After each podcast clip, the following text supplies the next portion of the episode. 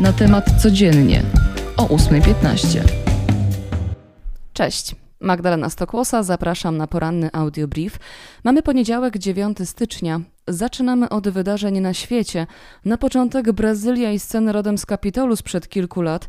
Zwolennicy byłego prezydenta Jaira Bolsonaro wdarli się w niedzielę do budynku Kongresu Narodowego. Jak podają międzynarodowe agencje, służby zatrzymały co najmniej 400 osób.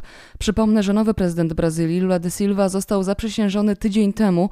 Po wczorajszych zamieszkach zawieszony został gubernator stanu federalnego, w którym znajduje się stolica kraju, na 90 dni. Sędzia brazylijski brytyjskiego Sądu Najwyższego Di Moraes swoją decyzję motywował zaniedbaniami w dziedzinie bezpieczeństwa. Były prezydent Brazylii skrytykował niedzielny atak kilku tysięcy swoich zwolenników. Na Twitterze stwierdził, że nie popiera tego rodzaju działań, gdyż są one niewłaściwe w warunkach demokracji. Więcej o tym piszemy na natemat.pl. Na bieżąco śledzimy też doniesienia z Brazylii. O bezpieczeństwie sporo będzie też pewnie mówiono na szczycie państw Ameryki Północnej i Łacińskiej z udziałem prezydenta Stanów Zjednoczonych Joe Bidena.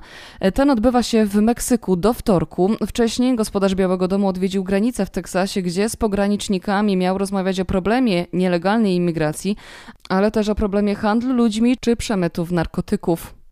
Co ze sportu od środy czekają nas wielkie emocje podczas organizowanych w Polsce Mistrzostw Świata w piłce ręcznej, ale to jeszcze będę Wam zapowiadać spokojnie. Tymczasem nadal gorąco po wyborach na sportowca roku.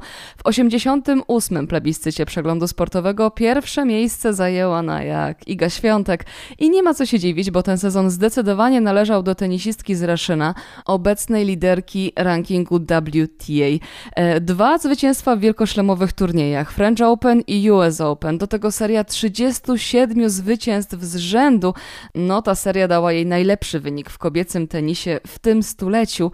E, na drugim stopniu podium stanął nasz najlepszy żużlowiec Bartosz Zmarzlik, który na swoim koncie ma już trzy Mistrzostwa Świata, ostatnie zdobyte w zeszłym roku, a na trzecim miejscu Robert Lewandowski.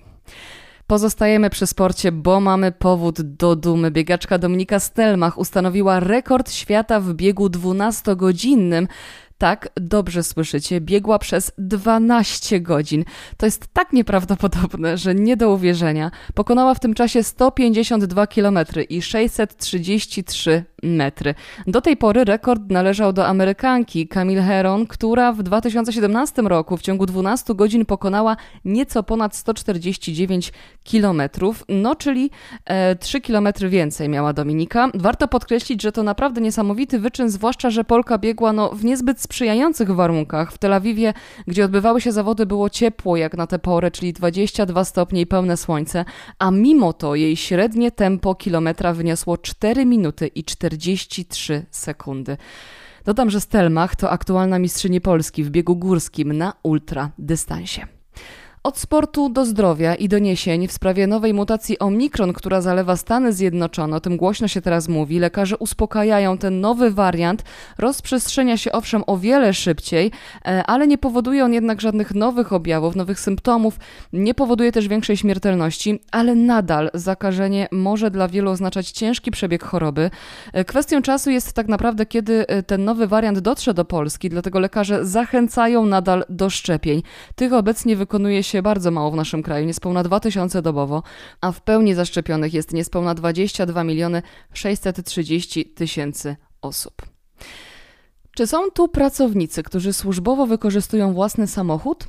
Jeśli tak, to mam dla Was dobrą wiadomość, bo za tydzień wzrosną stawki za tak zwaną kilometrówkę, informuje Ministerstwo Infrastruktury, no czyli zwrot kosztów używania do celów służbowych pojazdów nie będących własnością pracodawcy. Chciałoby się powiedzieć rychło w czas, patrząc na ceny na stacjach paliw, no ale okej, okay. o ile te wzrosty? Za kilometr w autach z silnikami większymi niż 900 cm3 to będzie teraz złotówka i 15 groszy. Wcześniej było to jakieś 83 grosze. Mniejsze silniki 89 groszy za kilometr, motocykle 69, a motorowery 42 grosze zwrotu. Na koniec, jak co poniedziałek, pogoda. Wiosenny początek tygodnia zapowiadają synoptycy. Polska będzie podzielona na cieplejszy zachód i południe oraz nieco chłodniejszy wschód i północ. Sporo opadów się zapowiada, ale niestety zmartwię fanów śniegu. Raczej ze względu na dodatnie temperatury będzie to tylko deszcz. Szanse na ochłodzenie i śnieg pojawią się za to w drugiej połowie stycznia. I na tym dziś kończymy. Magdalena Stokłosa, dzięki i do usłyszenia. Cześć!